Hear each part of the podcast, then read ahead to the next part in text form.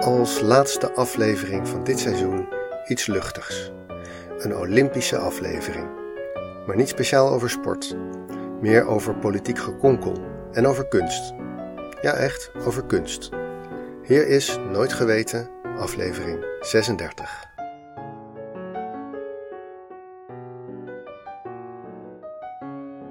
Binnenkort beginnen ze weer.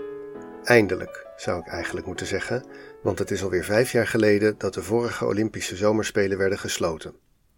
Het is een curieus evenement dat eigenlijk nog niet zo heel oud is, maar toch een enorme hoeveelheid tradities in zich heeft. Ik denk dat het komt door die vierjarige cyclus en het feit dat het telkens door een andere stad ergens op de wereld wordt georganiseerd. Iedere organiserende stad doet het min of meer voor het eerst en kijkt naar wat er bij de voorganger allemaal goed en fout ging. Iedereen probeert te leren van de organisatie die vier jaar op ze vooruit loopt. En iedereen probeert er nog een eigen, nieuw, creatief dingetje aan toe te voegen. En dat ziet dan de volgende organisatie weer als hoe het altijd gaat. En voordat je het weet, heb je weer een nieuwe traditie. Bijvoorbeeld dat symbool van de Olympische vlam.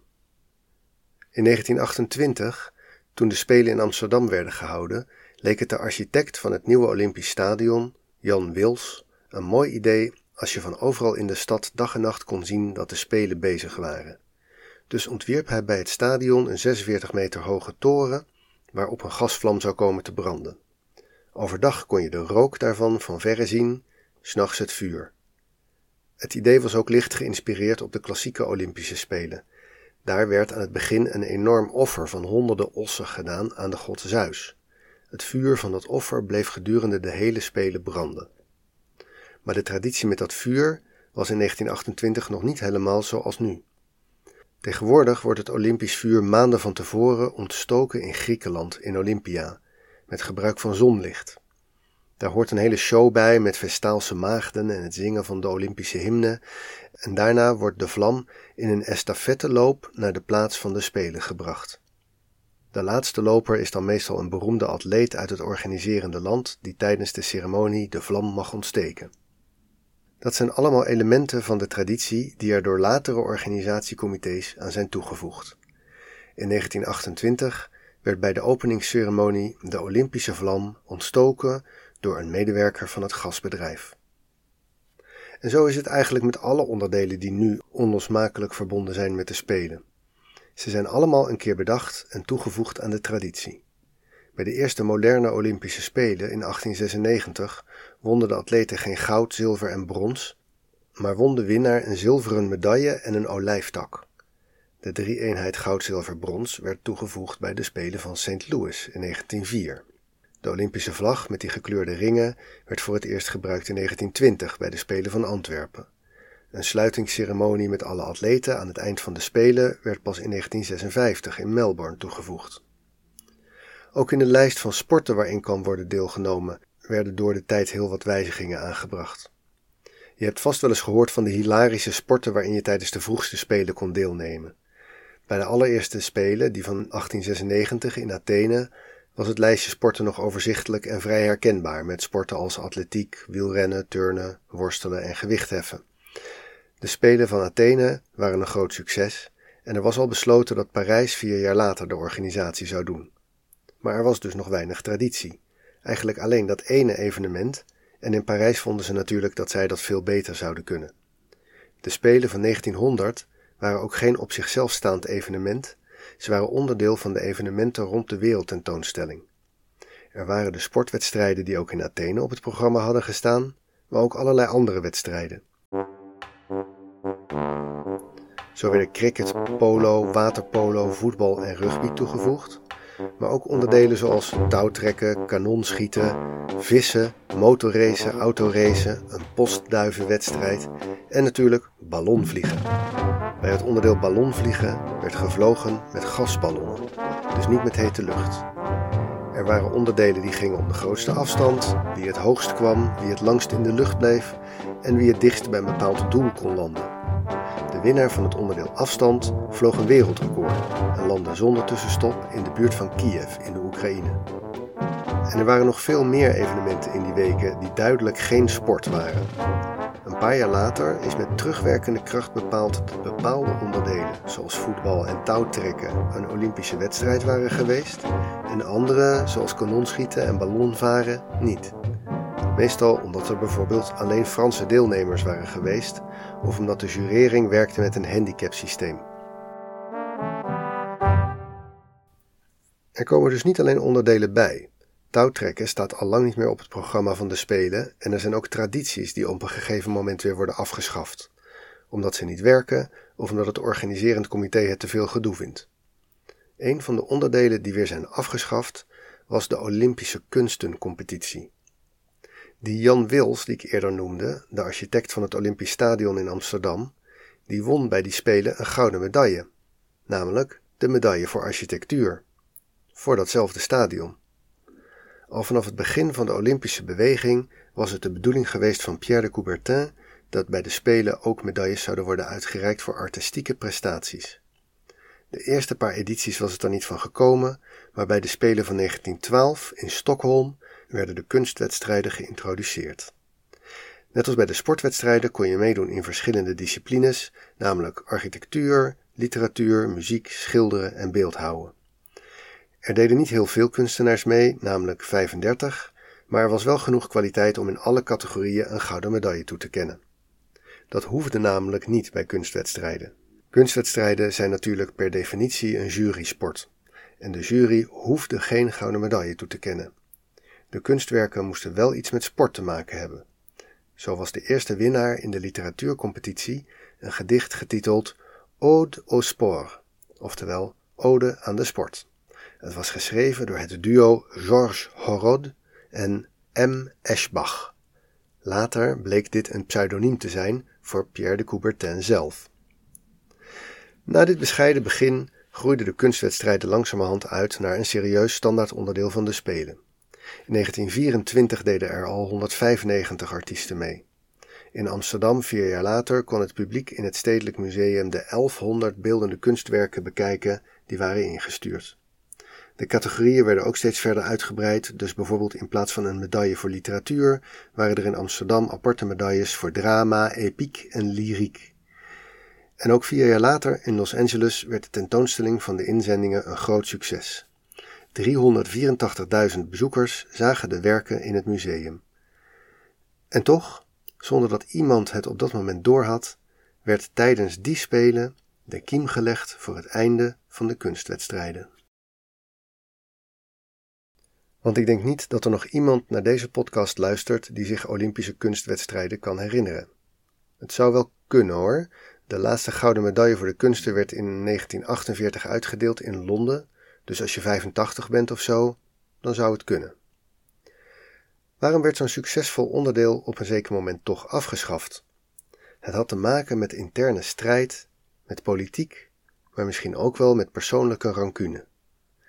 In 1949 een jaar na de Spelen van Londen was er een bijeenkomst van het Internationaal Olympisch Comité in Rome. De volgende Spelen, die van 1952, werden in Helsinki al voorbereid en er was niets dat erop wees dat de kunstwedstrijden daar niet bij zouden horen. Een van de punten op de agenda was de deelname van professionele artiesten aan de kunstwedstrijd. De Olympische gedachte was dat competitie in de sport de volkeren van de wereld zou kunnen verbroederen. Daarbij was meedoen belangrijker dan winnen en was het belangrijk dat de sporters niet meededen om er geld mee te verdienen. Want als er geldelijk gewin bij kwam kijken, zou dat de verbroedering in de weg staan. Dus waren er strikte regels dat je beslist nog nooit geld met je sport mocht hebben verdiend. Daar waren ook wel vervelende affaires mee geweest, bijvoorbeeld rond Jim Thorpe. Jim Thorpe was een Native American atleet. Hij blonk uit in ongeveer alles en won de gouden medailles in Stockholm in 1912 op zowel de vijfkamp als de tienkamp. Hij was de grote held van die spelen en bij zijn prijsuitreiking noemde koning Gustav V hem de grootste atleet ter wereld. Een jaar later kwam een krant erachter dat Thorpe op zijn school een tijd lang honkbal had gespeeld en daarvoor 25 dollar per week had gekregen. Dat hij zijn excuses aanbood en dat hij zijn betalingen voor een heel ander soort sport had gekregen dan waarvoor hij goud had gewonnen, deed niet ter zake. Hij was geen amateur en hij moest zijn medailles weer inleveren. Dat was de kwestie die voorlag. Moesten de kunstenaars die werken instuurden voor de kunstwedstrijden dan niet aan diezelfde regels worden onderworpen? Dat disqualificeerde vrijwel alle deelnemers aan de kunstonderdelen. Kunstenaars die nog nooit een werk verkocht hadden, die waren er gewoon bijna niet. En dus werd bij die zitting besloten dat er voortaan best een expositie van kunstwerken mocht worden georganiseerd tijdens de Spelen, maar dat er geen medailles voor mochten worden uitgereikt.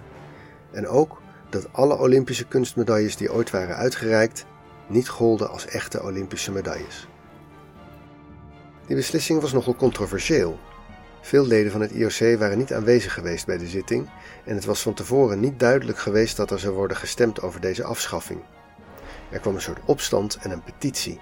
Er kwam een compromisvoorstel dat de werken die waren ingeleverd niet verkocht zouden mogen worden. Er werd een commissie aangesteld om de beslissing nog eens tegen het licht te houden.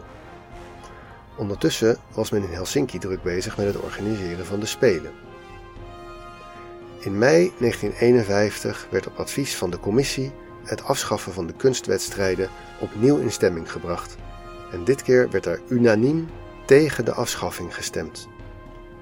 Maar helaas, voor de organisatie in Helsinki was het inmiddels niet meer haalbaar om de competitie alsnog te organiseren, ook omdat kunstenaars natuurlijk even de tijd nodig hebben om hun werk te produceren. Voor het eerst sinds 1908 was er geen kunstcompetitie op de Spelen. En zoals dat gaat, keek het comité van Melbourne 1956 naar het draaiboek van Helsinki. En dus kwamen de kunstwedstrijden nooit meer terug. Wat is hier nou gebeurd? Waar kwam dat voorstel tijdens die vergadering in Rome ineens vandaan? Het vermoeden bestaat dat het voorstel afkomstig was van het uitvoerend comité van het IOC en om precies te zijn, specifiek uit de koker van de Amerikaan Avery Brundage. Brundage zou later ook nog twintig jaar lang voorzitter van het IOC zijn. Over Brundage gaan veel verhalen en de meeste zijn niet erg positief. Brundage was ook degene die bij de Spelen van 1972, na de moord op elf Israëlische sporters door een Palestijnse terroristische organisatie, de woorden uitsprak: The games must go on. Maar voor dit verhaal is het vooral belangrijk dat hij bekend stond om zijn felle houding tegen professionalisering van de sport. Hij werd binnen de Olympische beweging echt gezien als een idealist voor het amateurisme. Waar kwam dat toch vandaan? Vanaf hier wordt het verhaal speculatie. Als je daar niet van houdt, hou dan nu maar even je oren dicht. Zoals veel bestuurders in het Olympisch Comité had Brundage in zijn jonge jaren ook zelf aan de Spelen meegedaan als sporter. Hij deed mee aan de Spelen van 1912, op de nummers vijfkamp en tienkamp. Precies de twee nummers die dat jaar werden gewonnen door zijn teamgenoot Jim Thorpe. Weet je nog? De Native American? De grootste atleet ter wereld. Nou werd Brundage ook geen tweede of derde, hij won helemaal geen medaille. Maar misschien zat er toch wat afgunst. En dan bleek die Indiaan ook nog vals gespeeld te hebben en een paar tientjes met baseball verdiend te hebben. Twintig jaar later, Brundage was inmiddels een belangrijke sportbestuurder en voorzitter van het Amerikaans Olympisch Comité, deed hij nog een keer een gooi naar het goud. Bij de Spelen van 1932 in Los Angeles stuurde hij een inzending in voor de literatuurwedstrijd. Het was een essay getiteld The Significance of Amateur Sport. Hij won weer geen medaille, maar kreeg wel een eervolle vermelding. Waarschijnlijk toch vooral omdat hij de voorzitter van de Amerikaanse Atletiek Unie en het Olympisch Comité was. Weer geen medaille. Het goud werd gewonnen door een Duitser die een hoofdstuk had ingestuurd van een boek dat hij aan het schrijven was over het beklimmen van bergen in de Himalaya. Tegen de tijd dat de Spelen werden gehouden was het boek af en lag notabene al in de boekwinkels. Voor geld. Daar sta je dan, met je Significance of Amateur Sport. Het is niet te bewijzen, maar ik geloof dat Avery Brundage hier heel wrokkig van is geworden en dat hij daarom 17 jaar later, toen hij eenmaal in die positie was, de kunstwedstrijden eigenhandig de kop omdraaide. In de jaren daarna werd het idee van amateurisme steeds lastiger vol te houden binnen een wereld waarin topsport professionaliseerde maar Avery Brundage wilde er niets van weten. Er kwam een beweging die vroeg of Jim Thorpe niet zijn medailles terug kon krijgen, aangezien hij nooit geld had verdiend met atletiek. Maar zolang als Avery Brundage het in het IOC voor het zeggen had, werd dat verzoek nooit gehonoreerd.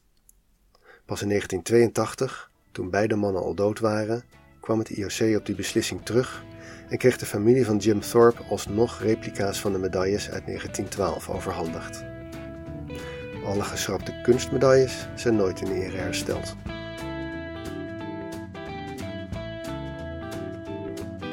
Voordat ik begin aan de aftiteling, eerst een kleine shout-out naar de vaste puzzelaars van het afgelopen seizoen. Een paar eervolle vermeldingen zijn op hun plaats voor Marjan, Ingrid, Danny en Peter. Maar de puzzelaars die het hele afgelopen seizoen hebben volgehouden en die bijna alle afleveringen op tijd hadden opgelost, zijn José en Jos. Ik hoop dat jullie er plezier aan hebben beleefd. Dit was aflevering 36 van Nooit Geweten en daarmee het slot van seizoen 3.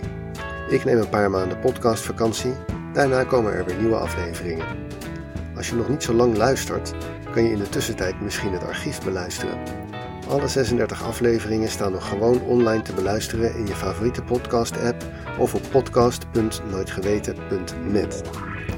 Nooit Geweten is een hommage aan Wikipedia en alle informatie die je hebt gehoord komt daar vandaan en soms van bronnen waarnaar Wikipedia linkt. Je vindt meer details over dit onderwerp via de links in de show notes. Veel dank aan alle schrijvers die hebben bijgedragen aan de artikelen, aan de makers van de muziek en natuurlijk aan jou voor het luisteren. Tot volgend seizoen.